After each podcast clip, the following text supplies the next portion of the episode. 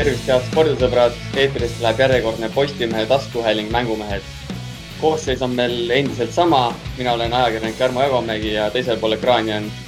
treener, korvpallitreener Siim Raudla ja rekamees Kristo Saage. tere, mehed! tere päevast! tere päevast!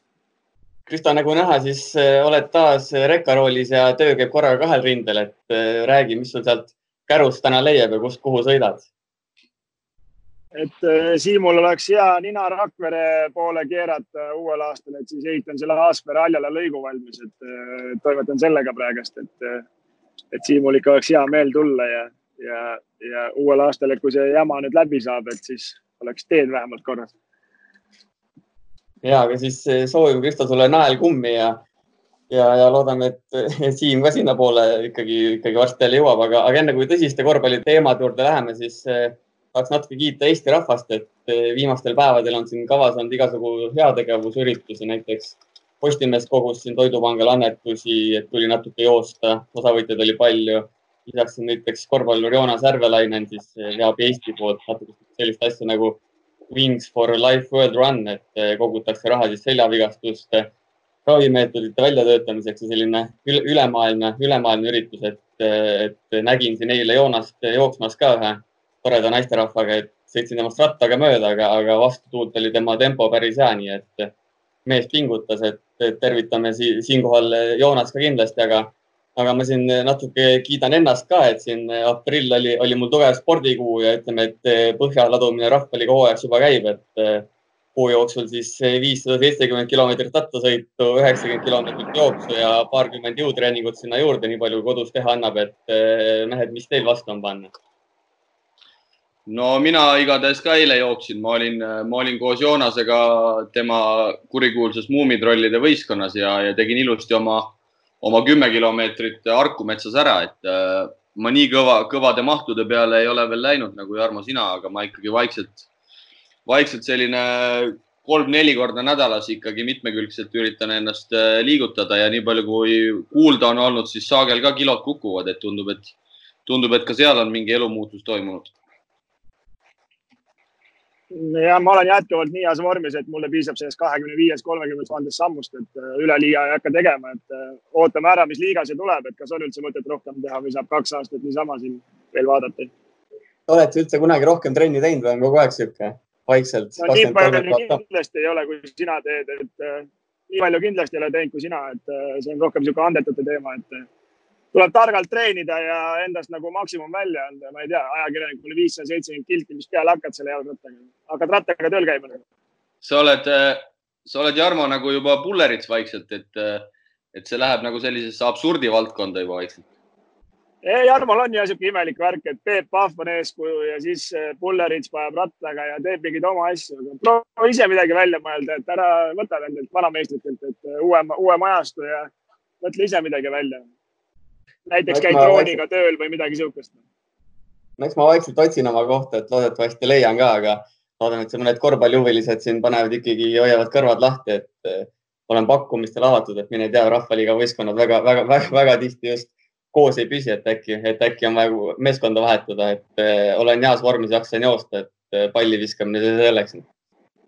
selles suhtes igal juhul nali naljaks nagu viis pluss, et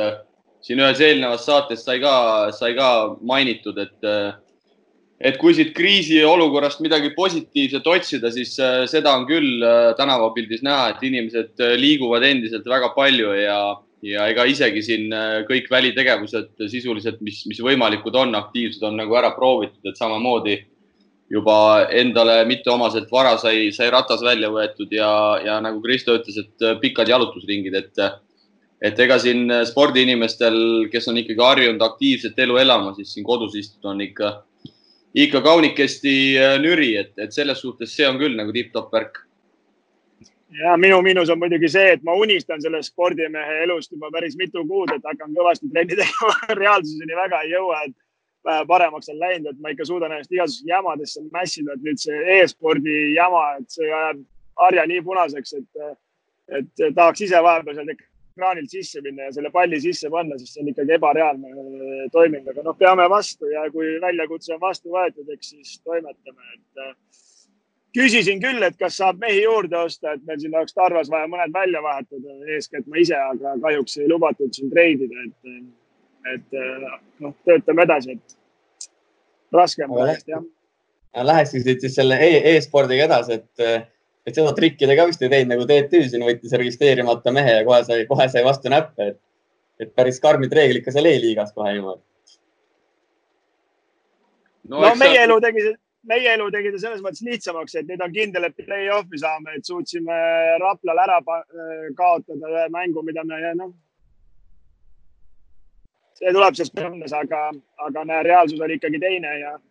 saime korraliku kolaka, et, et selles mõttes on jama jah. Jah, siin äh, tundub, et Tarvas on liikumas siis play-off kohal tõesti, et, et siin muidugi muidugi jääb veel TalTechiga mängida, aga, aga siin vist see nii-öelda null kakskümmend kaotus vist, äh, ma ei tea, kas seal vist punktide osas, äh, kas TalTech vist ei saa sellisel juhul ühtegi punkti, et tundub, et sellest mängust võib-olla isegi enam ei, ei olene, et tundub, et Rakvere vähemalt ikkagi Saage juhtimisel, Saage juhtimisel purjetab veerandfinaali välja, et et minu meelest tegelikult täitsa, täitsa vahvalt on see E-liiga asi käima läinud, et, et noh, mis seal salata, eks ta selline aseaine on, et ega, ega päris korvpalliga seda võrrelda ei saa, aga, aga ma arvan, et sellistele tulihingelistele Kossu fännidele võib-olla midagi ikka see nagu pakkunud on, et, et ma arvan, et iseenesest täitsa kihvt värk ja ega ongi äge värk nendele, kes on ennem mänginud, aga ütleme minusugusele või seal meie satsis veel ütleme Allerid ja ja ega see Lipassaar, ega seal meil polegi peale selle profi musta, kelle me sisse ostsime Aafrikas, peale selle polegi meil väga palju vendi olnud, kes mänginud on, et eh, selles mõttes on ta jah, oleks pidanud rohkem aega olema, et ütleme nii, et eh, ma ei oska prügidega koos mängida, et tallases ma olen päris tegija, kus ma nagu ise oma meest arendan, et seal Dontšitsi eh, ja Borzingisega, seal on normaalne asju ajada, aga noh, seal Tarva vendadega, seal on nagu keeruline. et aga töötame edasi, jah just sa ütlesid, et eh, päris vihale ajab kohati, et siin üks mäng, kus ära võitsid, olid puhta nulli peal vist null viset ka ja siis järgmine mäng saite kaela jälle, seal panid vist kolmteist korda kolmest peale, et kannatus sai otsa. No ma räägin, seal on see söödu kvaliteet ja asjad, need on nagu nii kehvad lihtsalt, et Tootsis paneb mul need pallid ilusti kätte, mängus ma panen ikka kümnest seitse tavaliselt, et eh, aga no mis sa teed, ega Tarvas ei olegi neid söödumehi eriti olnud ja põrgatuse pealt mu mees selles mängus veel ei oska noh et seda veel harjutame ja. aga ei, ega ta ei lähe jah sisse, kui nüüd aus olla. no kui siin äh, võib-olla väikseid vahekokkuvõtteid teha, ma ise olen siin päris tihedalt sellega seotud olnud, siis äh, Pärnu ja Tartu äh, mehed siin tunduvad, et on ikkagi selle Pahvliiga hooaja jooksul kõvasti mänginud, et Tartu poolelt on, on silma hakanud seal nooremad mehed Hannes Saar ja Ivo Parrol, kes kes on kõvade näitajatega ja, ja Pärnu poolelt, kes siis on praegu nii-öelda tabeli liider, siis Rosenthal. Rosenthal tundub, et on, on kõva, kõva nii-öelda e-spordi mängumees ja, ja Tallinna Kalevit need Peebu poisid ka seal ikkagi on, on nagu päris kärbsed, et, et tundub, et siit ikkagi saab selgeid mingeid järeldusi teha, et kes, kes nii-öelda hooaja ja muidu vaba aja jooksul nagu rohkem seda, seda mängu mängib, et nii palju, kui ma seda Tarva mängu olen vaadanud, siis noh, Saaga ilmselgelt äh, tundub, et rekka kõrvalt nagu ei ole saanud väga palju harjutada. no ma olen nüüd oma tunde tõstnud kõvasti, et sel ajal, kui te jooksete või rattaga sõidate, siis ma panen mingi kolm tundi seda e-sporti ja saan naise käest kõvasti vasta pead, et kas muud pole midagi teha täiskasvanud mehel, et, et selles mõttes on päris julm jah, et aga ei, töötame edasi laupäeval nüüd saab vist põhiturniir läbi või sel nädalaga, et osadel kaks, mõnel kolm mängu mängida, et eh, vist nagu võib, võib juhtuda nii mõndagi, aga Siim, nagu ütlesid, et siis eh, vaikselt on nii-öelda terad sõkaldest eemaldunud või võib siin ka play-off'is ikkagi üllatusi oodata? no tundub, et, tundub, et neli satsi on nagu äh, neli satsi on võib-olla et vähe eraldunud, et äh, Pärnu siis, kes on hetkel kaotuseta ja sealt veel tipurada pidi Tartu, Kalev Cramo ja Tallinna Kalev otsa, et Need on sellised, äh, tundub neli esimest ja siis, äh, ja siis tulevad Rapla ja Rakvere, et, et vaatame, kas Rapla ja Rakvere siis vastavalt veerandfinaalides suudavad üllatada, aga, aga hetkel tundub, et neli võistkonda, kes võiks poolfinaalidesse jõuda, hakkavad vaikselt nii-öelda välja joonistuma. ja eks ta nii on, et, et meie Raplaga veits siuksed, ütleme nii äh, tagaajajad olema, aga ma ütlen, see mäng võib, see kakskümmend minutit võib keerata väga kiiresti, et ega Cramole ka ootamatult olime poolaeg kahekümne neljaga ees ja siis hakkasime väristama, kõike võitsime ära, et aga noh, töötame, töötame, töötame. Seal, ma ütlen, seal mängus tuleb veits parandusi teha, sest et no minu pealt ikka käriseb nii palju, et minu vend on no, nii nõrk lauas, et äh, mängisime Tartuga, ma ei tea, ma isegi ei oska selle mehe nime öelda, ma ei usu, et ta kunagi päris korvpalli mänginud on, aga, aga no see võttis mind kakskümmend lauda, et mu vend on jah, suhteliselt nagu, suhteliselt ikka nõrk. nii, igatahes äh, siin veel otsustavad mängud on tulemas äh, play-off'is võib kõike juhtuda, võib ka mitte juhtuda, eks näis, aga aga ega siin muidu korvpallimaailmas väga palju mingeid põletavaid uudiseid ei ole tulnud, et võib-olla, võib-olla üks veel, mis silma jäi see nädala jooksul on see, et et, äh, et nii Eesti kui Läti klubid siis äh, või nende nii-öelda juhid, alaliitude juhid ütlesid mõlemad, et soovitakse ühist liigat igal juhul jätkata ja, ja selle pealt vaadates, et kui koroona taandumine siinsamas sama positiivselt jätkub et pole põhjust nagu arvata, et, et miks ei peaks jätkuma, siis Pahv olevat ka pundis olnud peasponsorina, et siis nagu paistab, et justkui Eesti-Läti liiga, liiga nii-öelda taasalustamisel või jätkamisel on jumet, et ei pea vist päris siin minema neljateist satsi peale ja esiliigat ja teist liigat kokku panema see meistriliigaga. eks siin suurim küsimus on ilmselt selles, et, et mis lätlastest saab, et siin ju oli väga palju juttu juba hooaja käigus, hooaja lõpus, et et seal sisuliselt viis, viis pool klubi oli järgi jäänud, et ma usun, et Eesti, Eesti satsid, nii palju kui on kuulda olnud, ikkagi elavad selle kriisi üle ja, ja vast äh, suudetakse vähemalt äh, kõrgemal tasemel jätkata, aga, aga, aga ma usun jah, et võib-olla isegi lätlaste poolelt see, see asi on vähe kurjakuulutavam, et, et kuidas nemad selle kriisi seal üle elavad, eriti arvestades, et omavalitsuste poolelt tuleb neile ka väga palju seal raha, et, et sinna tulevad ka kindlalt ju käärid sisse, et aga noh, saame näha, vähemalt positiivne uudis, et, et ikkagi mõlemal poolel on see huvi olemas. no ega meil selles mõttes midagi, ma arvan, üle ei jää, et kuidagi me peame selle, selle liigaga kuskilt otsast alustama ja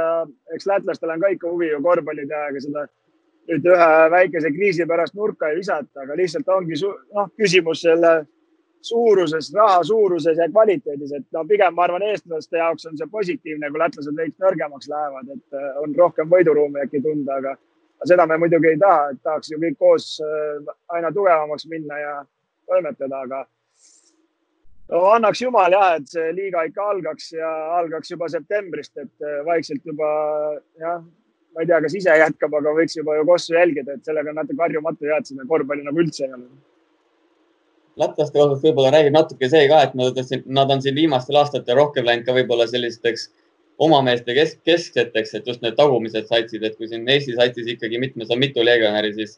lätlastel on siin eh, olnud ka selliseid saite, kus ainult oma poistega ja võib-olla seal see valik on natuke suurem, et okei okay,, neil on seal Euroliigas, NBA-s ka mehi, aga see tagala on võib-olla suurem, äkki siis, äkki siis astuvadki sammu tagasi ja ikkagi, ikkagi jäävad, jäävad pinnale, siis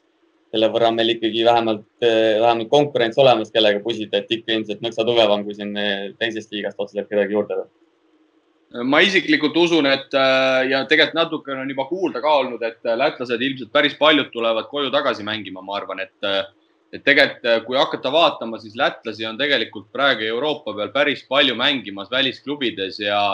ja on olnud nüüd siin juttu viimasel ajal, et tegelikult päris paljud ilmselt äh, tulevad koju tagasi, et, et vaatame, kuidas see sellele liigale mõjub. ma usun, et liiga tasemele kindlasti väga hästi, et,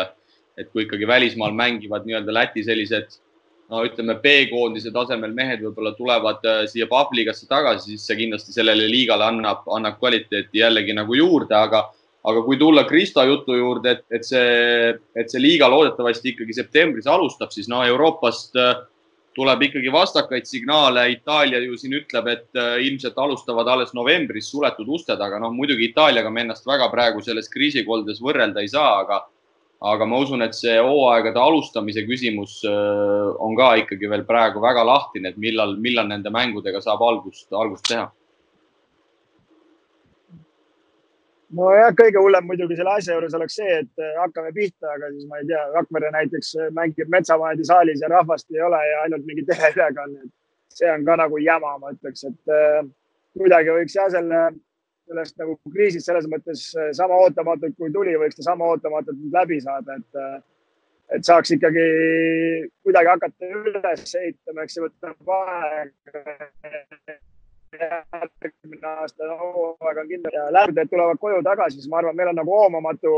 hoomamatu arvata, et palju neid lätlasi tegelikult väljas on. kui me ei tea isegi oma eestlasi, kes kuskil ülikoolis on, näiteks mina ei tea, et neid on kümnete kaupa seal, mondas ei teagi, nad pole kunagi näinudki. lätlasi on vist sadu, no mul tuleb meelde see Äh, Jurmala tagamängija Jermanovs. Äh, kunagi mängisime Rootsi satsiga ja mees oli kolm aastat seal olnud. no ise olid omast arust palju Balti liigat mänginud, aga polnud kuulnudki niisugust lätlasest ja siis loputas meid seal. kui siin nüüd seda Läti, Eesti, Eesti ja Läti liiga asja natuke veel edasi, edasi puurida, siis äh, siin Andres Sõbra üks argument on olnud aastate jooksul, et need, need pikad otsad sinna Lätti, ma ei tea, kunagi siis Leetu, et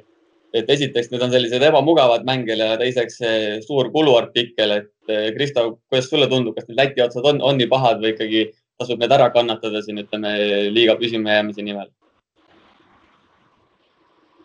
no ma ei tea, eks oleneb eh, asukohast, aga, aga oleme ausad, ega Tallinnast Riiga on ju neli, neli pool tundi, et nüüd nii väga hull ei ole. meil Rakverest, kui konkreetselt võtta, et siis äh, meil oligi kõige raskem oli meil põrutada Ventspils ja Liepa ja need olid nagu pikad otsad, ülejäänud olid nagu nohu selles mõttes, et ja kui sa vaatad Pärnu vaatevinklist, siis äh, ma arvan, et tal on äh, lihtsam minna Riiga kui Tallinnasse tulla no, või sama teeb välja, et seal nagu nii suured need vahed ei ole ja kaks otsa on ainult pikad, et aga ülejäänud on ju kõik Läti satsid ka ümber Riia ja ja Valmiera on ju põhimõtteliselt sama, mis Tartus, et see ei ole nagu mingi probleem. no kui siin äh, ütleme võrkpalliga paralleeli tuua, no võrkpalluritel ju ka juba aastaid on see Eesti-Läti liiga toiminud, siis äh, nii palju, kui sealt on kuulda olnud, siis äh, väga paljud sellised vanemad mängijad tegelikult ongi selle Eesti-Läti liiga pärast ära lõpetanud, kuna kuna hästi paljud mängud on nädalavahetusel, no võrkpallil ju sisuliselt tegelikult kõik voorud äh, on nädalavahetusteti just eelkõige lätlaste, eestlaste vahel, et äh, et väga paljud äh, noh, sellised ütleme kolmkümmend, kolmkümmend pluss mängijad on seetõttu nii-öelda läinud kuskile esiliigasse mängima, et et ikkagi need nädalavahetused, kui sul on pere ka juba, siis need on ikkagi niivõrd hinnas su jaoks, et sa lihtsalt ei ole, ei ole valmis seda karusselli kaasa tegema, et, et iga nädalavahetus ikkagi noh ärme ütle iga nädalavahetus, aga ütleme üle nädala siis Lätis, Lätis sõita mängima. no ma ei tea, see on äh, pigem nagu, pigem nagu niisugune otsitud vabandus, et äh, ma ei tea, see võrkpallurite kohal nagu tuua näide, ma arvan, et korvpall on poole intensiivsem mäng kui võrkpall ja teiseks ikka, kui vend reaalselt nagu tahaks teha ja on tegija poiss, et siis äh, saab ju alati kokku leppida, et mängib ainult kodus, noh, et saab oma muid asju teha ja ei pea väljas mängima, et äh, see on ka lahendus, aga ju siis nagu ise ei taheta või ei jõuta, aga ma ei tea, ma ei tea, praegust Eesti-Läti liiga Tarvaga mängides, ma ei, see ei olnud üldse mingi probleem, et äh, meil ju paljud käisid tööl ja suutsime ajakavaga sättida küll, et aga no muidugi niisuguseid satsi saab olla üks-kaks, et see ei ole jätkusuutlik, et kõik satsid niisugused poolamatöörid ja töö juures käivad, et siis see asi kukub meil lõpuks ikka kõik kokku. eks siin on see vahe ka tegelikult, et et ma noh, korvpallis ikkagi liiguvad natukene suuremad rahad ja, ja võrkpallis ju osades klubides ikkagi, ikkagi noh, mingid mehed mängivad selgelt nii-öelda sellise taskuraha eest, et, et siin on ka, ma arvan, selge põhjus, et, et ütleme, sellise tuhandese kuupalgaga sa sõidad selgelt meelsamini sinna Lätti mängima, kui et sa sõidad sinna võib-olla neljasaja, viiesaja euri eest kuus, et, et ma arvan, et siin on ka võib-olla see, see väike vahe ikkagi võrkpalliga võrdluses sees. ja kokkuvõttes ütleme nii, et eh, plussid-miinused, aga, aga paistab, et vähemalt siin nii-öelda juht, juht, juhtide poolt eh, kaaluvad plussid Eesti-Läti, Eesti-Läti liiga, ühisliiga nii-öelda üle, et eh, tahetakse ikkagi seda nii-öelda võimalikult professionaalset asja ajada ja, ja küllap see praegu, praegu õige suund on, et eks, eks aeg annab arutust, mis ja kuidas, mis ja kuidas jooksma hakkab täpsemalt, aga, aga nagu eelmisel nädalal lubasime, siis, siis lähemegi sellise, ütleme, et uue vana rubriigi juurde taaselustame, taaselustame tagaselja jutud ja et loogilistel põhjustel hakkamegi pihta Rakvere Tarvast, kelle siseelu siis avame Kristo Saage silmade läbi, et eh, võtaks siis selle lõppenud hooaja, hooaja nii-öelda koosseisu ette ja, ja räägiks, mis sealt, vaataks, mis sealt siis välja tuleb, et äh, alustaks ehk nendest meestest, kes siin hooaja jooksul ära läksid ja, ja võtakski siis poole hooaja pealt lahkunud Rain Veidemanni kõigepealt, et Kristo, et mis sa tema kohta ütled? Noh, Rain on tõsine töömees, ega ta mingeid värvikaid lugusid väga rääkida ei ole selles mõttes, et ega ta on ikkagi spordimees ja, ja ega mingit selle aasta Tarvast midagi värvikat ei olegi väga tuua, et eh, ega me ju eriti palju kokku ei saanud ja ega trenni me suurt ju ei teinud, et eh, mingeid suuri huvitavaid seike ma praegust ei oska peale selle öelda, et eh, kui võistkonnana ühiselt võtta, et siis buss ei väljunud kunagi õigel ajal, et keegi jäi alati hiljaks, et see oli nagu meie, et hooaja jooksul ühtegi korda välisreisile, et buss ei läinud, aga, aga Veidemann ja ei, selles mõttes äh, Rain on jah spordimees ja, ja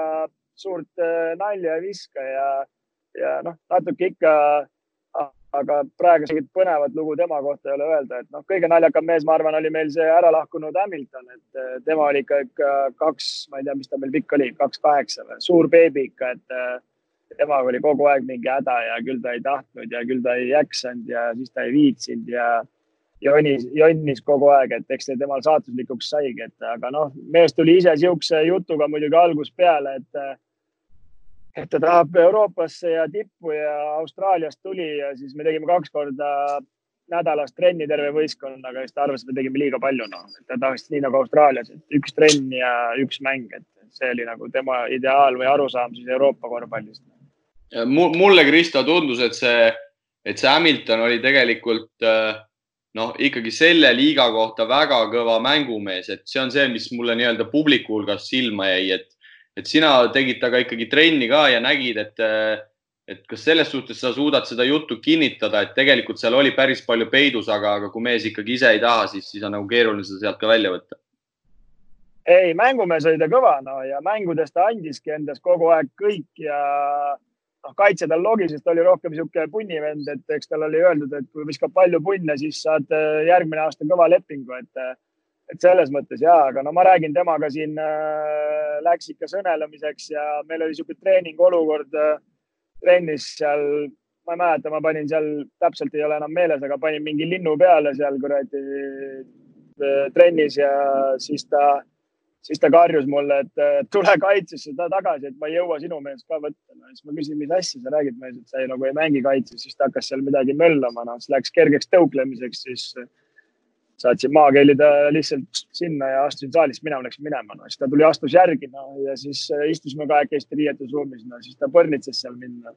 no mul muidugi vererõhk oli kaunis kõrgel, no et äh, siis tuli abitreener Putko ja ütles, et äh, Kristo, rahu, rahu, Kristo. ma ütlesin, ei, ma olengi täiesti rahulik, et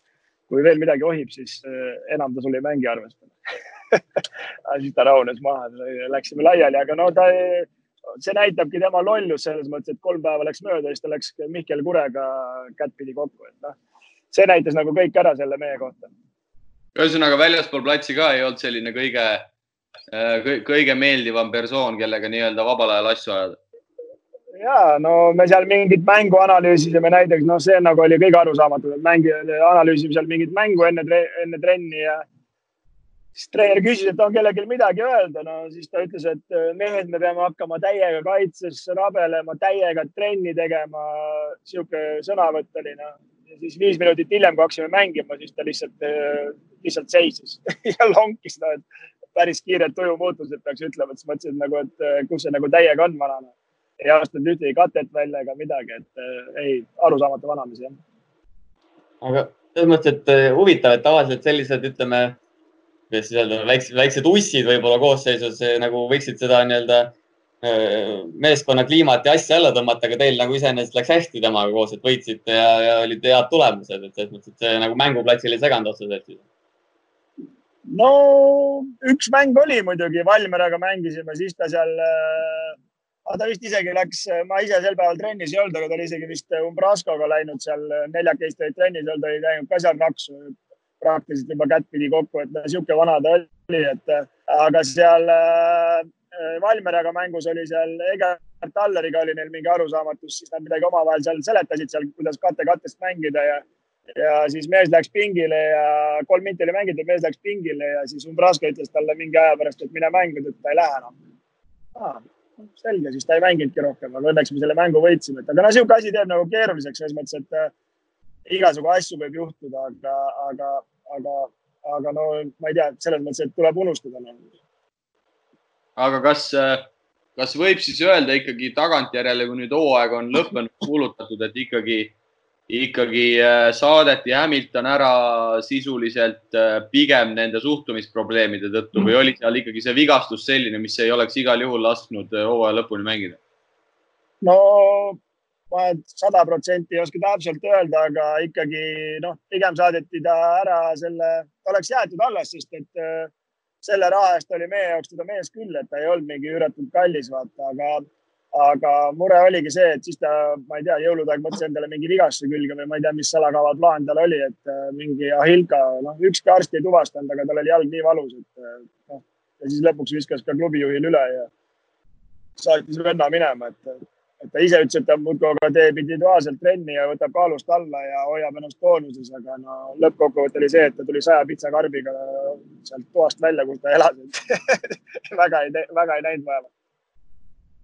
Enne kui me siin lähme nüüd nende meeste juurde, kes hooaja lõpuni jäid, siis ma küsiks Veidemanni kohta ka veel ühe sellise küsimuse, et, et kuidas Veidemann seal nagu Rakveres selle poole pealt hakkama sai, et ikkagi tegi selgelt sammu tagasi, et kaks korda nädalas trenni, et kas oli niisugust ka, et mis ma siin nende kaeradega teen enam-vähem või oli ikkagi, ta on ikkagi, nagu sa ütlesid, tõsine spordimees ja ikkagi pingutas, et, et meeskond võidaks ja, ja, ja koha leiaks endale tulevikus. Selle asja juures on selles mõttes see kaks korda päevas trenni, et see on nagu selles mõttes nagu üle, üle forsseeritud, et äh, reaalsus on ikkagi see, et äh, kui sa oled näiteks Veidemanni sugune mees, siis sa teed lihtsalt kolm korda nädalas teed ise trenni. Noh. et sa ei tee võistkonnaga, sa ei sõida sellepärast Jürist Rakvere, aga teed oma jõusaalid ja hoiad oma toonused, sest kahest pallitrennist ja mängust piisab nädalast, kui sa oled heas vormis. ja kui meeskond, meie mänguplaan ju oli ka sihuke, et ega meil ju ülemäära raskelt taktikalisi asju polnud, et, et, et ma räägin, et siin sellega ei ole nagu probleemi ei olnud ja ta kindlasti tegi ise no.. kui sa lased seal üle jala oma tegemistes veel, et siis muidugi sa närvud ruttu kokku ja noh, ehe näide on ju selles mõttes nagu mina, et ega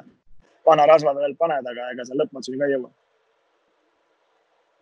ja, aga läheks siis vaikselt nende meeste juurde, kes, kes lõpuni jäid ja ma ei tea, võib-olla Kivi kohta mingisuguseid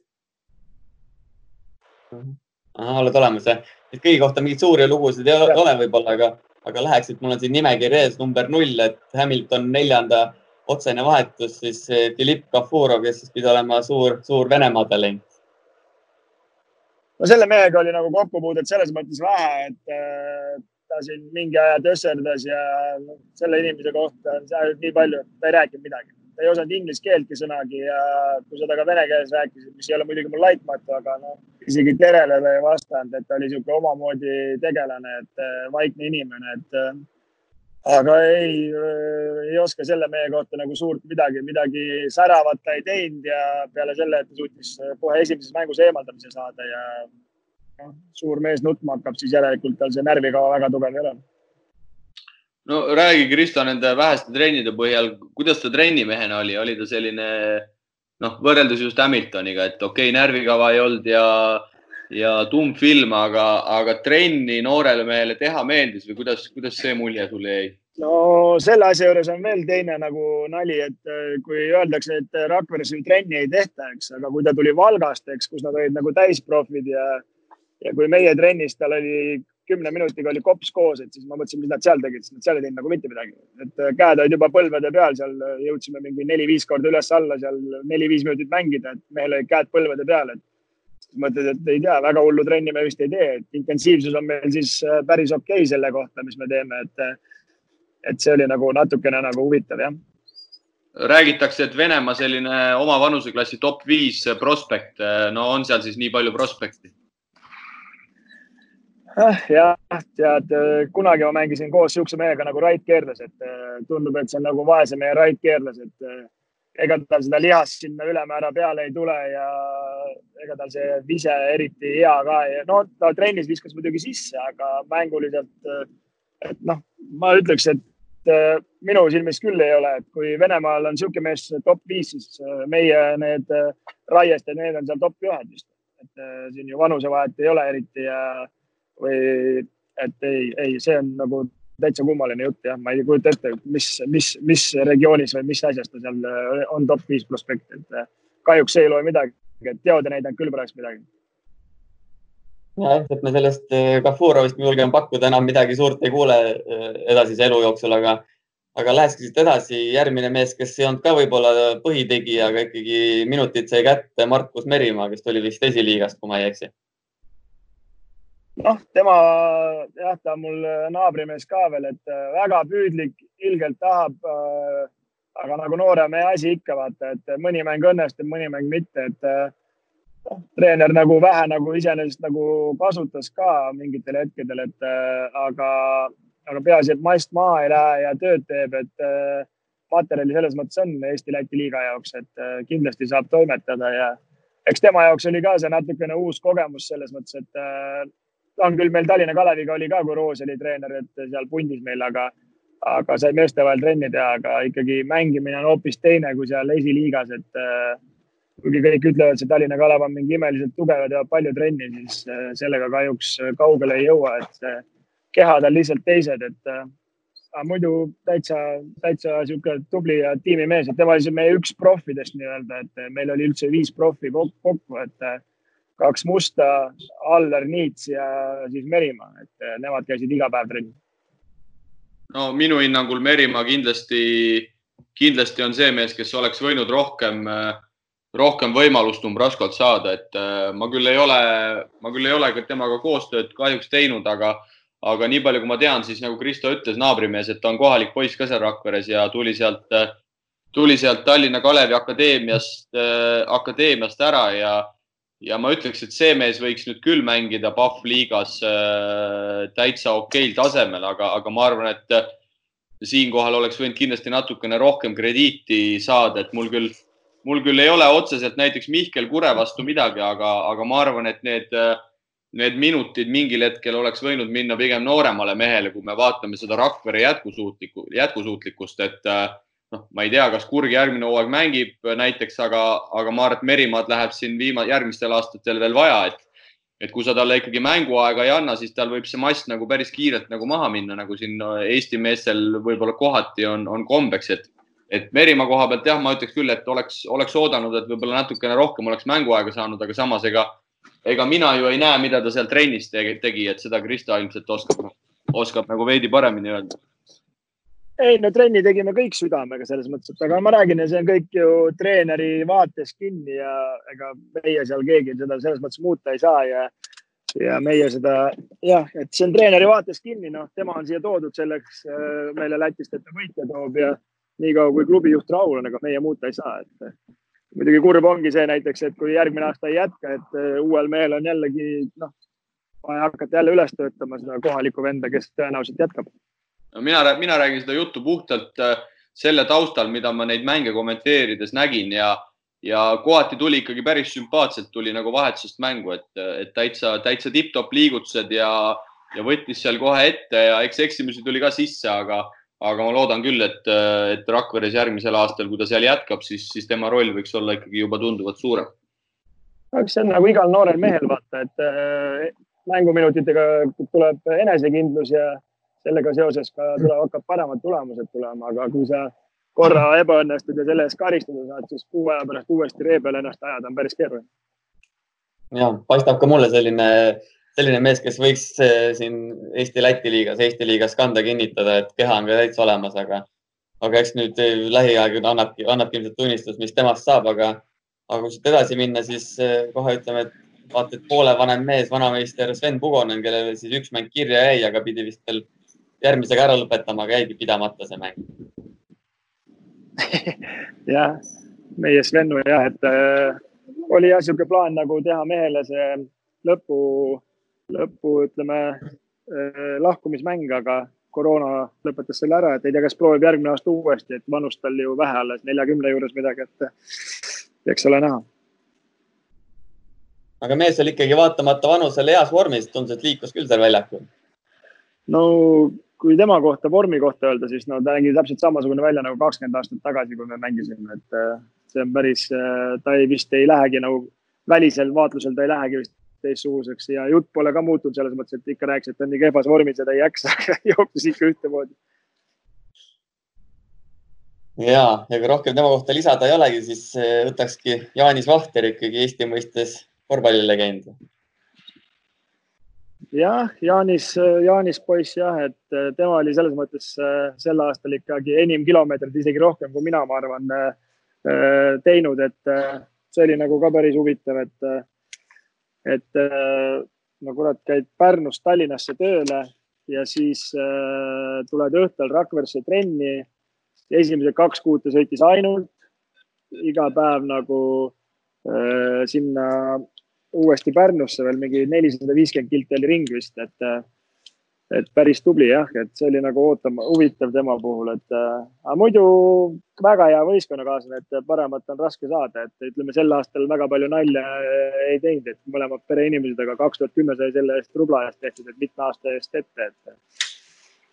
et äh, jah, ei oskagi praegust nagu nii-öelda äh, midagi naljakat välja tuua no tundub, et äh, päris hästi ikkagi seal Rakveres maksti sel hooajal, kui ikkagi seda kolmnurka seal mõnusalt äh, lihvida sai Pärnu, Tallinn, Rakvere? no oleme ausad, ega tal oli sellest juba, sellest oli väga kopp ees, et äh, ta korduvalt juba jõuludagi ütles, et kuule, saage, mismoodi ma selle Arnule ütlen, et ma enam ei tule enam ma ei tea, kuidas ta ütleb, et lähed ja ütled, et ma ei tule enam, aga ta jõud sai otsa, aga, aga no mis sa teed, peab tegema ja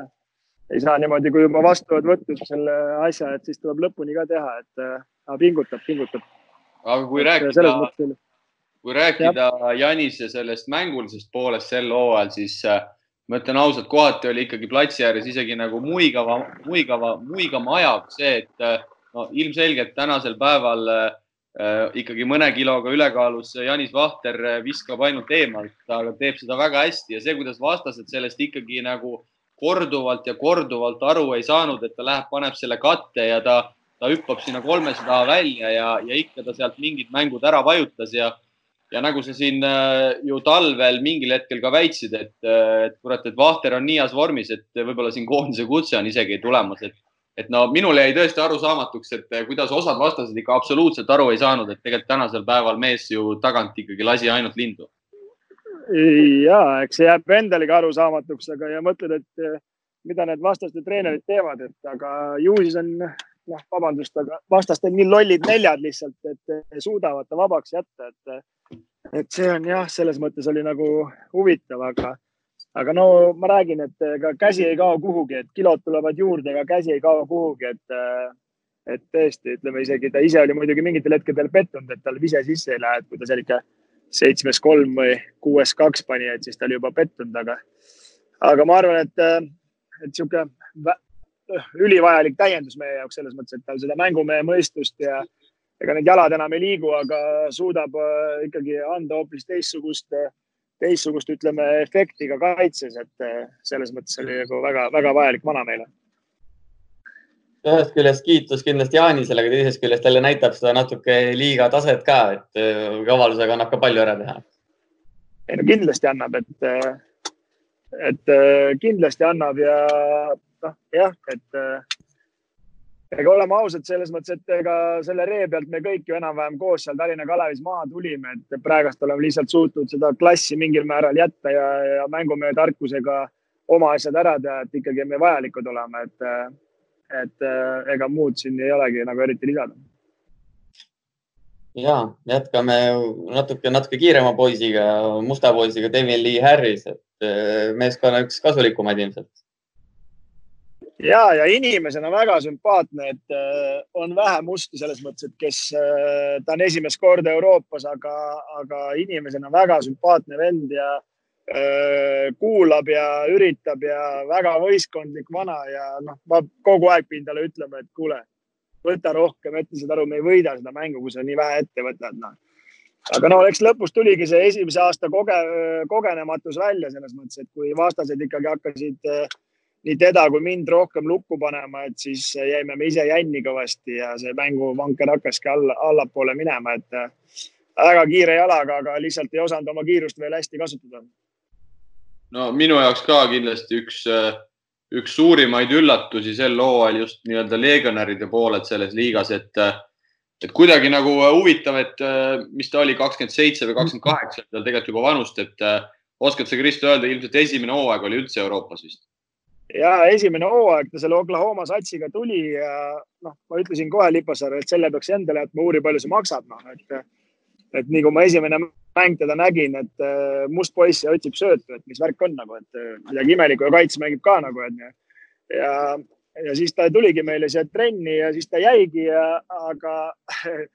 läksime temaga mingi aeg, läksin Aquasse ja rääkisin temaga, et küsisin, et kus sa siis ennem mängisid ja mis sa siis tegid ja siis ta ütles, et aa USA-s seal, et sai kaks tuhat daala palka, no ilmselgelt ta palk oli siin äh, poole väiksem ja ma küsin ta käest, miks sa siia tulid siis, et ta ju talvel veel abiellus ja laps ja küsin, miks sa siia tulid siis, et äh,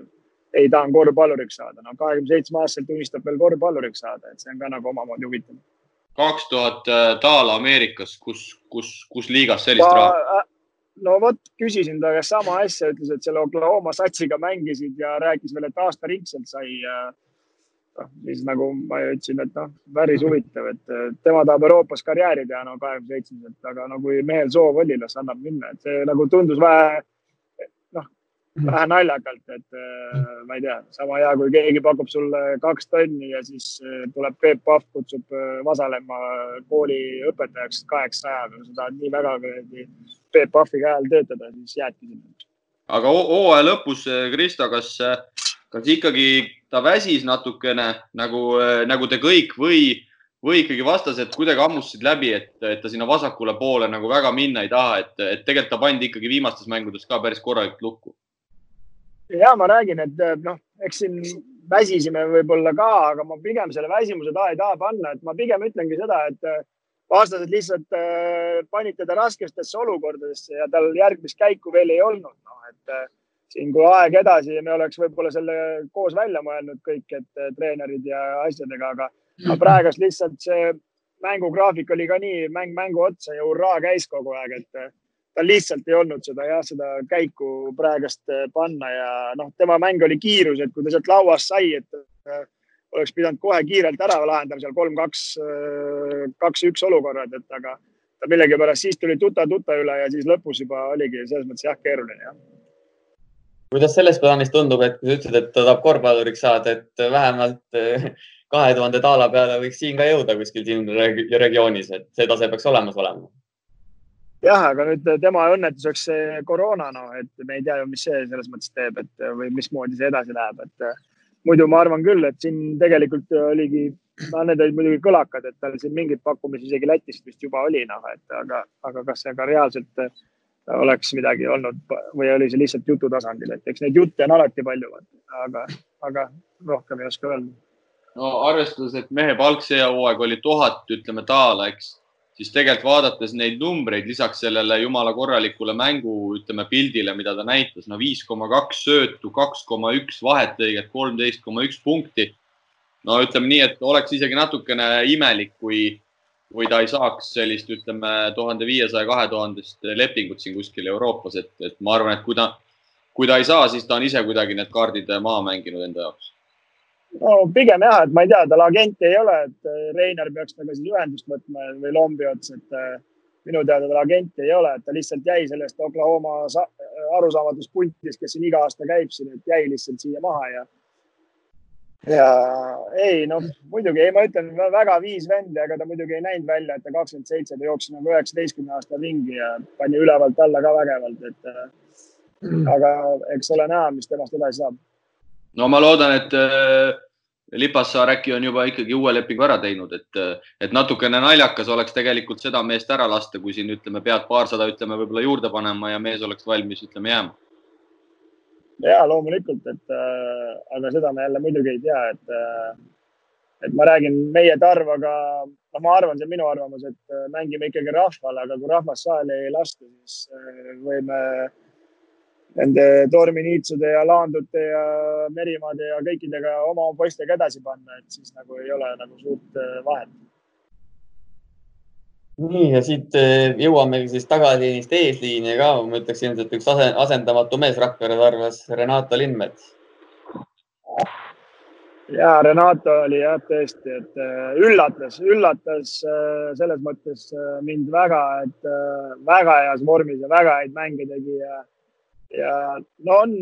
selles mõttes väga sümpaatne inimene ja no inimene, kes ei jonni, sa kujutaksid ette, kuidas sa jooksed oma haigete põlvedega üles-alla, Must uhab peale, Saage uhab peale, siis paneb Aller peale, siis paneb äh, Vahter peale, aga sina muudkui ka jooksed, kui tahad saada, võtad ründelauast, et selles mõttes jah, paar korda tegi kõvemat häält, aga suurt tolku sellest polnud ja asja. Nonii, Kristo kadunud? ei ole äh,? ikkagi, ei ole kadunud pilt kadus ära korraks, lihtsalt üks äh, kõne tuli vahele, aga ta ootab mind. et, äh, et selles mõttes jah, pull värk. no uskuge või mitte, aga Renato täna saab kolmekümne kuue aastaseks, kuue, kolmekümne kuue aastaseks, et, et palju õnne siitpoolt ka, et selles suhtes ikkagi müstiline hooaeg, ma ütleks. Äh, noh, Kristo, sa tegid ka vägeva aasta, aga ma arvan, et minu jaoks kõige suurim üllataja oli isegi, et Renato seal nagu äh,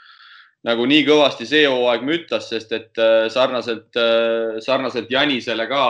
noh, neid kilosid ikkagi visuaalis on ka näha, et on natukene juurde tulnud ja ja, ja nende selle pealt nagu teha nii korralik hooaeg, kakskümmend kolm minutit, seitse koma kuus punkti, neli koma üheksa lauda ja ja kaitses ikkagi väga tubli ja, ja nagu sa ütlesid, alati alati pingutab lõpuni ja võitleb lõpuni, et see, see Ameerika mentaliteet ikkagi, ikkagi on tal juures ja, ja selle pealt, selle enesekindluse pealt ta nagu, nagu väga palju mängib, et, et, et selle mehe tegutsemist oli küll ikkagi, ikkagi väga, väga sümpaatne vaadata, eriti arvestades, et seda vanust on ka juba ju tegelikult omajagu turjal. aga suutis seal ikkagi ilusti nooremate meestega nagu kaasa joosta, et, et müts maha igal juhul ja kindlasti. Ma räägin, et äh, ma ise, noh, selles mõttes, kui ma vaatasin teda eelmine aasta, kui me mängisime seal esiliigas, siis äh, ma ei tea, mis asju ta suvel tegi või mis ta tegi selles mõttes, et aga no mees läks kaks korda tugevamaks, et äh, minu hirm oli see, et kui me VEF-iga mängima hakkame ja meie põhitsenter on Lindmets, et siis kahjuks ta lõpetab traumapunktis, kui nad üles-alla panevad, aga, aga mingit sihukest ohtu ei olnud, et tõesti ka nagu töö kõrvalt käis, et äh, päev läbi vaatas, et Tallinna Kalevi poistel ikka äh, pirnid ja kõik asjad äh, toimiks ja saaksid trenni teha ja, ja siin tema muidugi oli eriti raske siin ennem kui see hooaeg läbi sai, et lasi jää, jäämasina peal mingi kümme tundi õues külma käes ja siis tuli otse mängule pani jalad seina peale, siis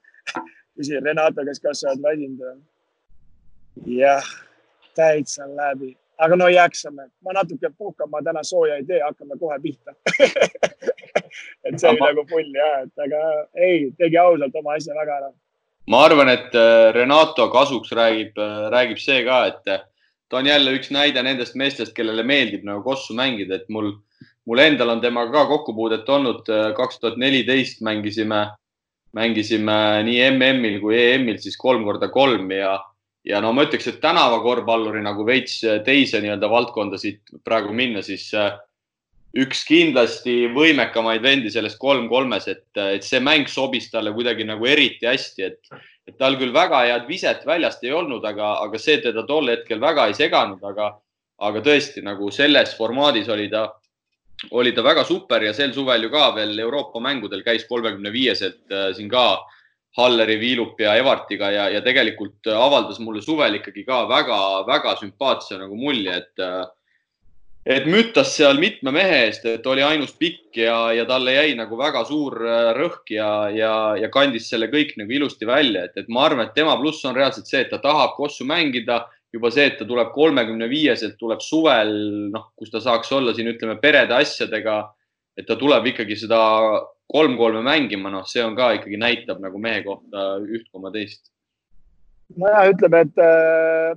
äh, Vahter äh,, Lindmets, Kurg äh,, mina, et äh, meid nagu iseloomustab põhimõtteliselt kõik üks sama asi, et äh, see koss ikkagi on terve elu olnud ja nii, nii kõvasti nagu äh, hinges, et äh, kui antakse võimalus, siis ikkagi proovime, et ei anna niisama, ei tõsta käsi üles ja ja, ja ikkagi teeme, kui antakse võimalus, et eh, noh, meil on ju tegelikult needsamad mehed. Kurge eh, vist ei olnud, eh, ei olnud jah, aga ülejäänud mehed ju olime kaks tuhat kümme ka kõik toimetasime, et, et nüüd on muidugi pereelu kõigil ka ja oleme siuksed rahumeelsed, aga kaks tuhat kümme siis ikka juhtus igasugu asju, et siis olime ikkagi, ütleme, noored ja elumehed, et nüüd on see aeg möödas, et nüüd iga vaba aeg perega ja ülejäänud aja siis keskendud kossule kusjuures ma siin äh, nädalavahetusel nägin mingit kummalist saadet Kanal üheteistkümne pealt, kus Paavo Raudsepp intervjueeris Arno Lipassaart ja Lipassaar ütles seal ka, et, et kaks meest, keda tema kindlasti tahab järgmiseks hooajaks paika saada kiiresti, on üks Renato Lindmets ja siis peatreener Jurison Prasko, et mees põrutab edasi ikkagi tundub, kui, kui Lipassaar nii kõvasti tahab äkki no õige numbri eest ikka põrutatakse alati edasi selles mõttes, et ju siis Lipassaar teab midagi, mida me ei tea, ju siis ikka toimetab jah. Kristo, mis toimub? Lindmets ja Umbrasko, miks Saaget seal nimekirjas ei ole no,? kui säästuhooaeg tuleb, siis ilmselgelt ma sinna ei mahugi. selles mõttes, et sa võid ise arvata, et eks siin ikkagi mingi, mingi, mingi level on, et ei, ma ei oska öelda, et sa pead küsima selles mõttes, et aga no ju siis ta, ju ta kogub raha, et minu, minu jutule tulla kolmteist koma neli punkti keskmiselt, ega siin tundub tõesti, et hinnalipik on vist läinud kahekordseks selle hooaega. Ei no eks ma ka unistan ikkagi siin välismaast veel ja võib-olla Läti saab, et Valmiera või midagi, et kuskilt, et ega mul ka need pole veel maha matnud, et äh, Ritšooni läks NBA-sse, drafti veel üles ei andnud ennast nii vanalt, aga no üritame, üritame. ja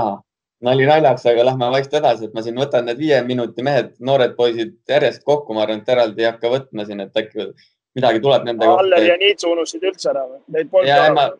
ma võtan vahepeal, need järjekord jookseb okay.. et Kristjan Kroos, Janari Alavere, Randel Rainer Lille, Martin Laand, enne kui grande finaali juurde jõuame, on sealt nende kohta ka midagi öelda? noh, selles mõttes, et äh, kõik on äh, spordimehed ja tahavad seda kossu teha, et eks nüüd on jälle raske valiku ees enamus, et äh, peale Lille, et mis nüüd teha, et kas jätkata selle korvpalliga kooli, kuhu, mida, et nagu samas nagu väga head maitset suhu ei jäänud, väga palju mängida ei saanud, eks, et seda on nagu raske kommenteerida. noh, Kroos muidugi väga-väga sihuke perspektiivikas vana, aga kas välja tuleb, seda näitab aeg et kõige rohkem kahju minu arust on nagu selles mõttes Lillest, et äh, ta iseenesest oli Maaülikoolis käis ja ta käis ka meil, ta pea praktiliselt trennis ei käinudki, et väga harva, aga, aga tema nagu mõnes mängus näitas väga sümpaatset mängu ja millegipärast ma oleks nagu tahtnud, et just tema niisugune agressiivsus kaitses ja, ja tema oli ju mees, kellel pallist väga lugu ei olnud, et siis oleks võinud ju rohkem nagu olla, aga, aga see on jällegi treeneri vaade, et kuidas tema selle mängis, et uuel aastal ei oskagi öelda. Kuidas, kuidas Kristo sinu eelmise hooaja kliendi kohaliku selle poisi Laandu hooaeg läks, et jäid sa, jäid sa rahule, oli ta sel hooajal ka sul trennis klient või, või vahetasid Niitsu vastu välja? vahetasin Niitsu vastu välja, sest et eh, ta väga palju ei saanud käkerdada, et no trennis ta ikka vaikselt sai, aga no Niits võttis koha nagu auga üle selles mõttes, et iga mäng ikka suutis midagi korraldada, et et selles mõttes jah, et Niits on, oli ikka tõeline klient jah Lillehammis see mees, kes oli juba seal sõbra ajal ka Tarvas vaikselt, et selles mõttes mingi kogemus tal peaks olema ikkagi, et päris selline mees metsast ei olnud.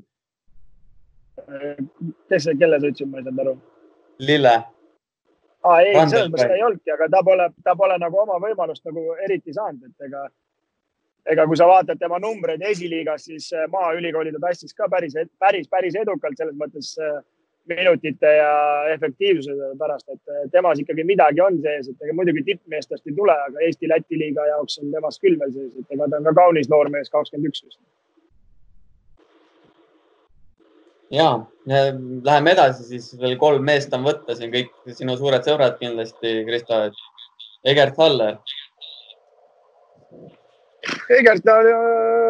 ka korralik trennimees ja väga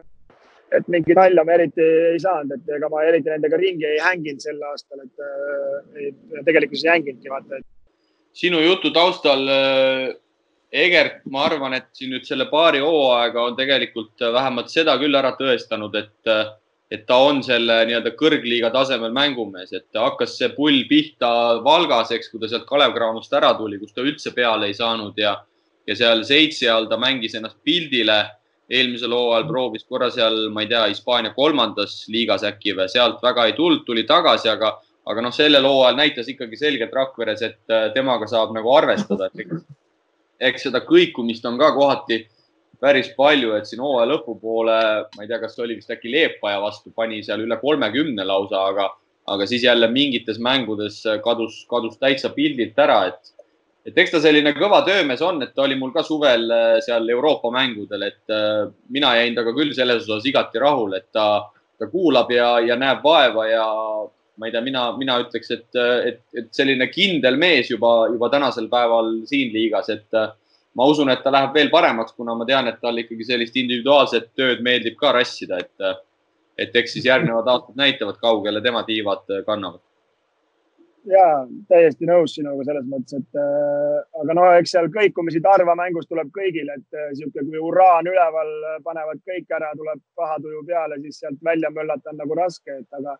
aga kindlasti ta mängis oma koha välja ja tegi okei okay hooaja.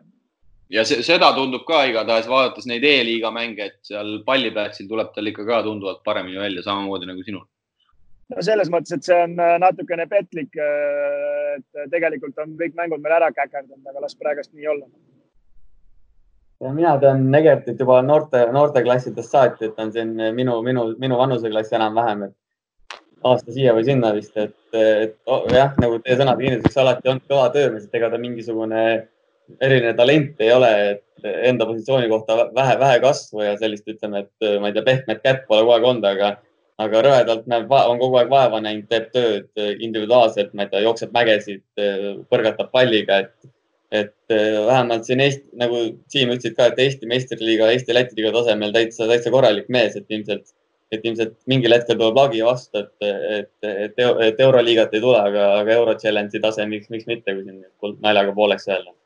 no selles suhtes tuleb minu meelest eriti selliste meeste ees müts maha võtta, et noh, olgem ausad, ma arvan, Egert ei solvu, et ta on rohkem niisugune maadleja ja judoka kehaga, et, et ega tal sellist korvpalluri võib-olla ideaalset kuju ei ole, kui me siin võrdleme, lähme täitsa teise äärmusesse, võrdleme siin raiesteede ja asjadega, eks, et pikad käed, pikad kõik värgid, onju. Aga selle võrra eriti tuleb nagu minu meelest võtta mütsi maha, et, et mees on võib-olla mitte kõige, kuidas öelda siis lootustandvama kuju pealt ikkagi jõudnud juba teatud tasemeni välja. Ja kindlasti on ta kõva arengu teinud, sest et äh, kui mina Valgas möllasin, siis ta tuli selle Tiit Talumaga ka sinna Valka, et seal jäi tal kaunis üürikeseks ja mingit šanssi ta ei saanud, et kui selle ajaga võrrelda, siis temast on saanud Lebron James, no et siis ta oli ikka täiskaer, et äh, nüüd ta on ikkagi päris kõva arengu edasi teinud ja loodame, et teeb ikka veel rohkem edasi. ja, üks mees, kes ilmselt väga suurt arengut enam ei tee, on äh, Mihkel Kurg, kes tegi väga kõva hooaja tegelikult või noh, mitte väga, vaid niisugune korralik hooaja, mis, mis sa Kristo tema kohta ütled? Ei, Mihkel on äh, väga hea võistkonnakaaslane ja selles mõttes äh, super vana, et äh, noh, tema ütles pärast seda esiliiga võitu, et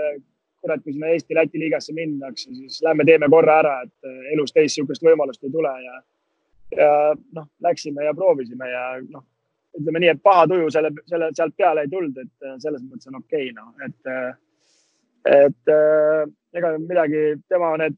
ega ta mingi särav talent pole ju kunagi olnud, aga ta siin ikkagi tiireldanud on päris, päris mitmeid aastaid siin Eesti meistriliigas, et selles mõttes on ta okei okay. üks asi mul, Kristo, jäi sellest hooajast hinge peale, et, et hooaja alguses oli minu meelest Mihkel teil võistkonna kaptenina üles antud, aga hooaja lõpus, ma ei tea, kas olid sina või oli keegi teine, et mis seal oli, Mihkel käkerdas ära midagi või mis, mis selle muutuse tingimus? kurat, vot ei tea, mina kindlasti ei olnud ma ei tea, mis ta seal käkerdas, ma tean, et Renato oli vahepeal, aga aga, aga ma ei, ma ei, vot seda ma ei teagi. no see kapteni värk, see on üldse niisugune nagu, ma ei tea, poosetamise värk, et iluvärk, et äh, pole ju konkreetselt mingeid suuri kohustusi või asju selle kaptenil iseenesest ju vaata ja, ja selles mõttes on see keeruline, et, äh, et äh, ei, ei, ei oska selle kohta jah praegust öelda okei okay,, no nii palju, kui mina Mihklit tean, siis äh, mina olen temaga ka ühe hooaja ühes võistkonnas veetnud, kui see mäletagi, mis see hooaeg oli, äkki see oligi pärast seda Tarva, Tarva hõbedat. Äh, järgmine hooaeg, kui TTÜ läks selle Tallinna Kaleviga kokku, siis meid pandi sinna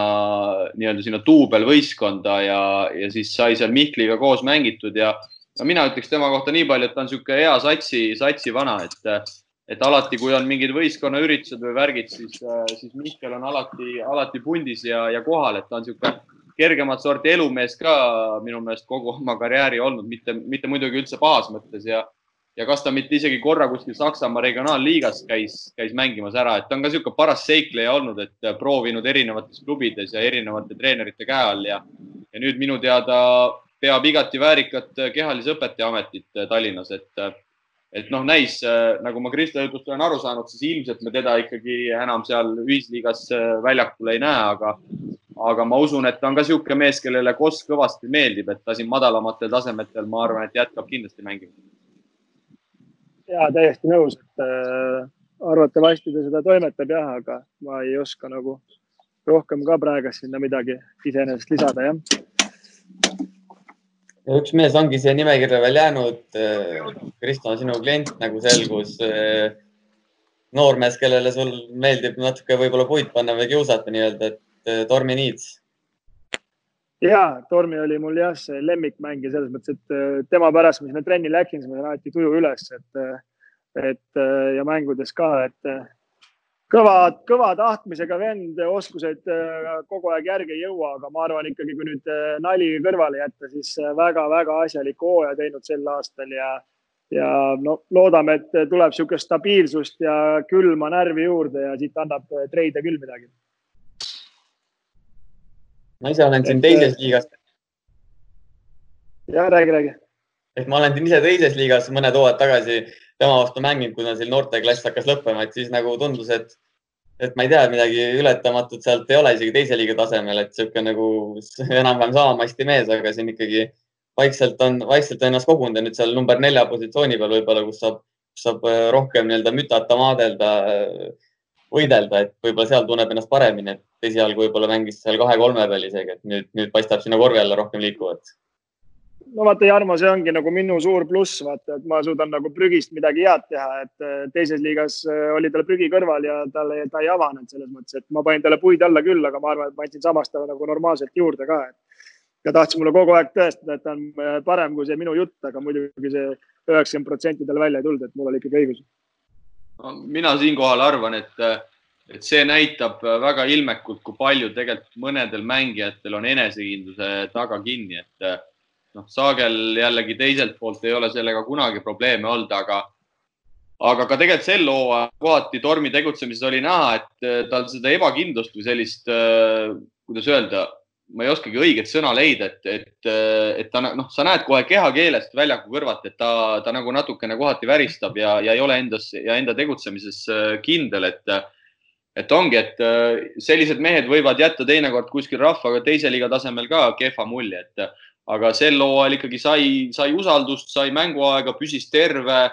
eks kõrval olid kogenud mehed, kelle najale toetuda ja, ja tegelikult nagu näeme ju suudab täitsa, täitsa tublisti mängida. ja et noh, tal ikka kammitses ikka tihtipeale seal tead, ta oma peas, no muidugi ma ei näe tema pähe, aga on näha, et oma peas lendab nagu Lebron James, aga, aga reaalne statistika on see, et kui sa ikkagi kümme korda pealt lähed panema ja ühe ainult ära paned, et siis see on ka nagu päris narr, et ja sellest neli korda nagu üksi korviga, et eh, siis ma ikka talle tihtipeale ütlesin, et eh, torm ei ole hea, et eh, pane lay-up'i, et see on kaks punkti, et kui sul hüppe ei luba, et siis ära pane noh. aga ta ikkagi iga kord üritas järgi tõestada, et tal ikka lubab, aga tal see vähe õnnestus, et temaga oli üks parim seik oli see, et kui nüüd aastavahetus läbi sai, hakkas uus hooaeg no see uuesti hakkas peale uuest aastast, et siis äh, sõitsime Valmierasse mängule ja ütlesin, et äh, Tormi, et äh, mul on kuu aja pärast sünnipäev, et kas sa saad mulle kingituse teha, et paned ühe korra mängus pealt nagu. Torm ütles vabalt. ma ei tea, tal oli selle Pärnuga ka väike, väike tõestamise hetk, et seal ta põles nagu säraküünal esimene mäng, et ega teine ka parem ei olnud, aga aga no seal nagu põlesime kõik ja siis ütlesin Tormile, et kas saad selle kingituse teha ja siis ta ütles, et vabalt ja Valmiera mängus ma võtsin palli vahelt ja läksime tormiga kahekesti kiiresti ta läks pealt panema ja ta ei pannud jälle üksi korvi ära ja siis ma ütlesin talle tagant, et Tormi, ma ütlesin, et sa ei ulata pealt panna, pane lay-up'i, ma pean kogu aeg tulema sulle järgi jooksma, selle ära panema. ja siis ta läks veel rohkem põlema, et aga selles mõttes väga hea võistkonnakaaslane ja noh, ma ei tea, välja küll ei näidanud, et nalja ei mõista, aga reaalsuses ta vist võib-olla ei mõistnud, et võib-olla tegin natuke talle ülekohut ka, aga aga samas, mis ei tapa, teeb tugevamaks ja loodame, et äh, selles mõttes äh, on sellest mingil määral kasu. nüüd koroonaaeg hea, tal seal Saaremaal tuul puhub, hea mõelda, mõtted puhtaks. Läks tal vahepeal tuju ära ka sinu nokkimise peale või ikkagi võttis nagu käest sisse kõik, mis sa talle õpetasid? ei, ma ei oska öelda, et äh, pigem ma loodan, et ikkagi sai nagu selles mõttes juurde tuhhi ja tõestamisvajadust, et, et talle niisugust masendavat argipäeva väga peale tulla ei saanud, et ma nagu hoolitsen selle eest iga päev enne kui äh, enne kui me lõpetame tagaselja jutud, ma, ma sain aru, Jarmo, meil on vist äh, kõik nimed enam läbi käidud, et äh, ma siin, ma siin lappasin mingi aeg neid vanu basketeid ja, ja kuna meil ju keegi täna Kristost rääkimas ei ole, siis hooajal kaks tuhat üheksa, kaks tuhat kümme, kui Tarvas võitis hõbeda, siis basketi ajakirjas Raido Villers iseloomustas ka neid Rakvere mängumehi ja ja ma loeks selle hea meelega ette ja Kristo saab siis ise öelda, kas kümme aastat on midagi, midagi muutnud number kakskümmend üks, Kristo Saage, number on sama, ei ole sama? ei ole üks on nüüd, kaks on okay. ühest ära läinud. siis on juba see, see muutunud. okei okay,, ma tsiteerin igatahes Raido Villesit. tema on meil kõige suurem jutupaunik, ta vist sureks ära, kui peaks mõnes vaikses seltskonnas kaua viibima, sest tal peab suu kogu aeg käima ta räägib absoluutselt igal teemal, võõrastele võib Kristo tunduda pisut ülbe mehena, kuid tegelikult ta seda pole. ta on meie vaimne liider, kui kusagile koos minnakse, siis on ikka tema see, kes esimesena ukse avab, punkt. jah, et äh, ma arvan, et äh, see iseloomustus on niisugune sada protsenti on äh, täppis ja noh, ainult nii palju võib lisada, et nüüd avan ainult uksi siis, kui naine lubab kodust välja, et väga, väga tihti ei lase, et uksed on kaunis tihti kinni, et äh, ja see ei ole ka paha variant, et äh, aga jah, eks ta pigem nii on eluaeg olnud ja teinekord oleks võinud muidugi mõned uksed kinni jätta, aga, aga nii ta on läinud jah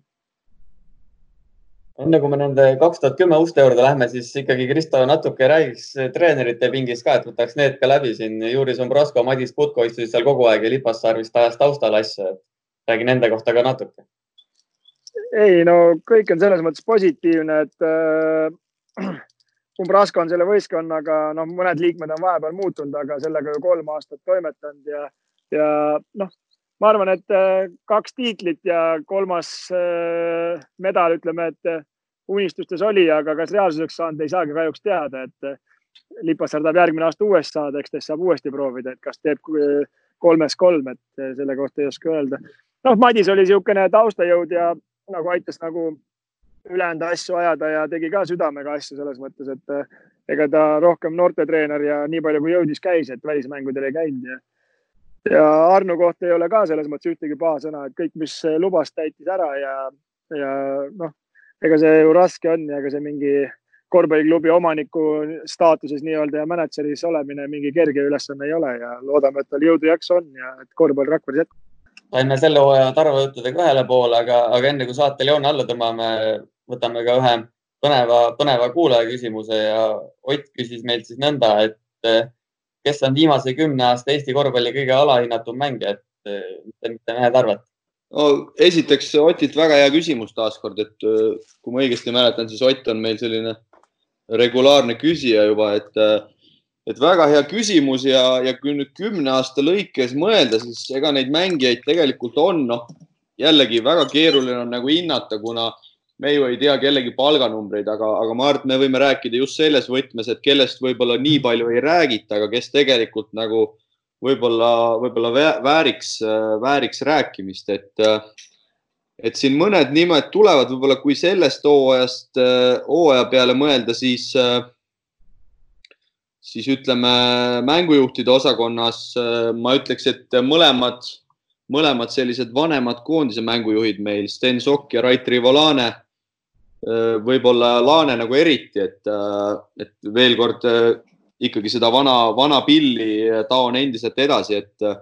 et ei, ei ole teda nagu koondise võtmes minu meelest siin ülemäära nagu viimastel aastatel hinnatud, et eks, eks ma saan aru ka, et, et vaadatakse ikkagi võib-olla meeste poole, kes Euroopa mõistes on selliste paremate korvpallikabariitidega, aga, aga samas minu kindel veendumus on jällegi see, et väljakul peavad olema parimad mehed antud hetkel ja ja Stensoku puhul võib-olla lihtsalt äh, kohati lihtsalt tahaks veel kord rõhutada, et, et kui oluline see mees on äh, just koondise võtmes ka, et see viimane Itaalia mäng võib-olla ka seda mingil määral näitas, et, et inimesed ei unustaks seda ära ja ei võtaks nagu selliseid mehi iseenesestmõistetavana, et see mängujuhi positsioon on väga oluline ja, ja kui sul ikkagi sellel positsioonil on, on väga hea mees olemas, siis see on juba sisuliselt selline, selline pool võitu, ütleme nii ja et äh, Siimu eelnimetajate ka seda on nagu raske selles mõttes äh, hinnata, et äh, kui sa hakkad mõtlema, et kes vähem jah tähelepanu saab ja seda on nagu keeruline, et no ma tooks välja näiteks minu selle lemmiku Tormi Niitsu, et ma arvan, et tema nagu palga ja kvaliteedi ja see, mis ta nagu näitas, et see on ka nagu ma arvan, üks selle hooaja nagu siukse päris, päris, päris, päris muljetavaldav vahe nagu, et see oleks, ma arvan, ja ma ei tea, võib-olla, võib-olla veel äh, Pärnus see Rosenthal sai ka natukene võib-olla vähe tähelepanu ja noh, Siim-Margus Post nagu hooaega võtta tegi ka hea hooaja, et aga väga välja ei toodud, aga tema oli ka ju Pärnu üks niisugune võtmeid ja no ja meie räägitud Valge muidugi, aga tema muidugi võeti ja temaga oli kõvasti nagu tähelepanu ka, aga aga sihuke vaik, vaikne nurgas nokitseja ja kes silma ei paista, kindlasti kõige märkamatum mängija, aga suurte minutitega ütleks Robin Kivi ma ütleks, ma ütleks ka siia veel ühe, ühe nime juurde, et äh, võib-olla ka mängija, kes siin aasta-aastalt on natukene juurde pannud kogu aeg ja, ja nüüd ikkagi väga korralikuks mängijaks sirgunud, on Oliver Metsalu äh, TalTechi poolelt, et, äh, et võistkonna edu küll sel hooajal ei tulnud, aga, aga ma arvan, et Metsalu on ka selline radari alt lendaja siin viimastel aastatel olnud, et et noh, kui mina oleks äh, klubi juht, äh, vahet ei ole, mis võistkonnal, siis mina kindlasti Metsalu poole oma pilgud pööraks, et äh, nagu ma siin eelnevalt olen ka rääkinud, suudab erinevaid positsioone täita nii kaitses kui rünnakul, et, et Mart Oliver võiks ka kindlasti selles nimekirjas, ütleme selle hooaja meeste poolelt nagu olla. ja et äh, Siimule veel täiendaks nii palju, et äh, Oliver Metsal on niisugune vend, et tegelikult, kui sa nüüd võtad, ta tegi väga korralikud numbrid, aga ta teeb neid nii märkamatud, ma arvan, et korvpallifänn ei märkagi, et ta üldse korvpalli mängib, et äh, selles mõttes on ka huvitav see jah aga nüüd korraks meelde, oota, ma korra räägin äh, natuke teile vahele ka ja siis toimetame edasi tulen karjääri sisse. nii, räägime edasi. kuhu karjääri sa sisse lähed nüüd? ma ei tohi öelda, see on ärisaladus. sa tuled pärast järgi, sa hakkad jälitama. selge, selge, lähme edasi. ja ühesõnaga ma mõtlesin ka üsna pikalt selle küsimuse peale ja oli ka nagu mitu nüanssi, kust nurgalt vaadata ja siis mõtlesingi, et kümne aasta lõikes äkki mees, kes on nagu olnud,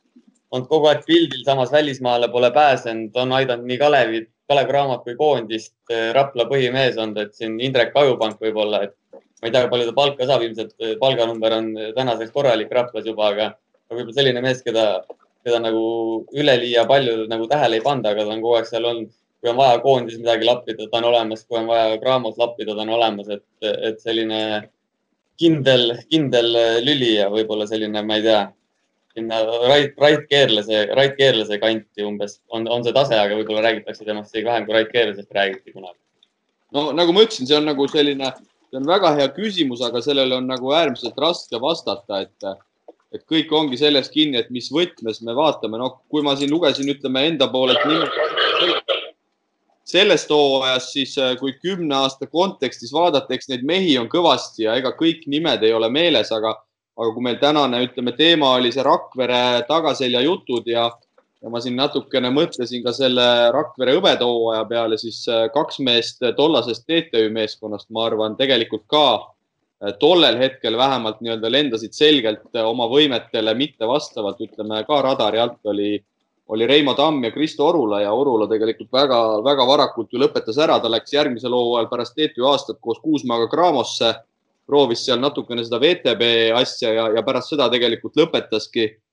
lõpetaski korvpalluri karjääri ära ja, ja nüüd minu teada ehitussektoris teeb väga-väga-väga head äh, töökarjääri, et, et Tamm mängis veidi pikemalt, aga temal juba ka ammu oli oma firma ja, ja ka väljaspool korvpalli väga edukas, et, et need kaks nime ma tooks selles suhtes ka veel välja, et et olid ka tol hetkel sellised väga alahinnatud mängijad, tulid TTÜ-sse, ma ei tea, Kristo, kas see oli Kraft mööbel või oli selline võistkond, Kohila Kraft mööbel vist?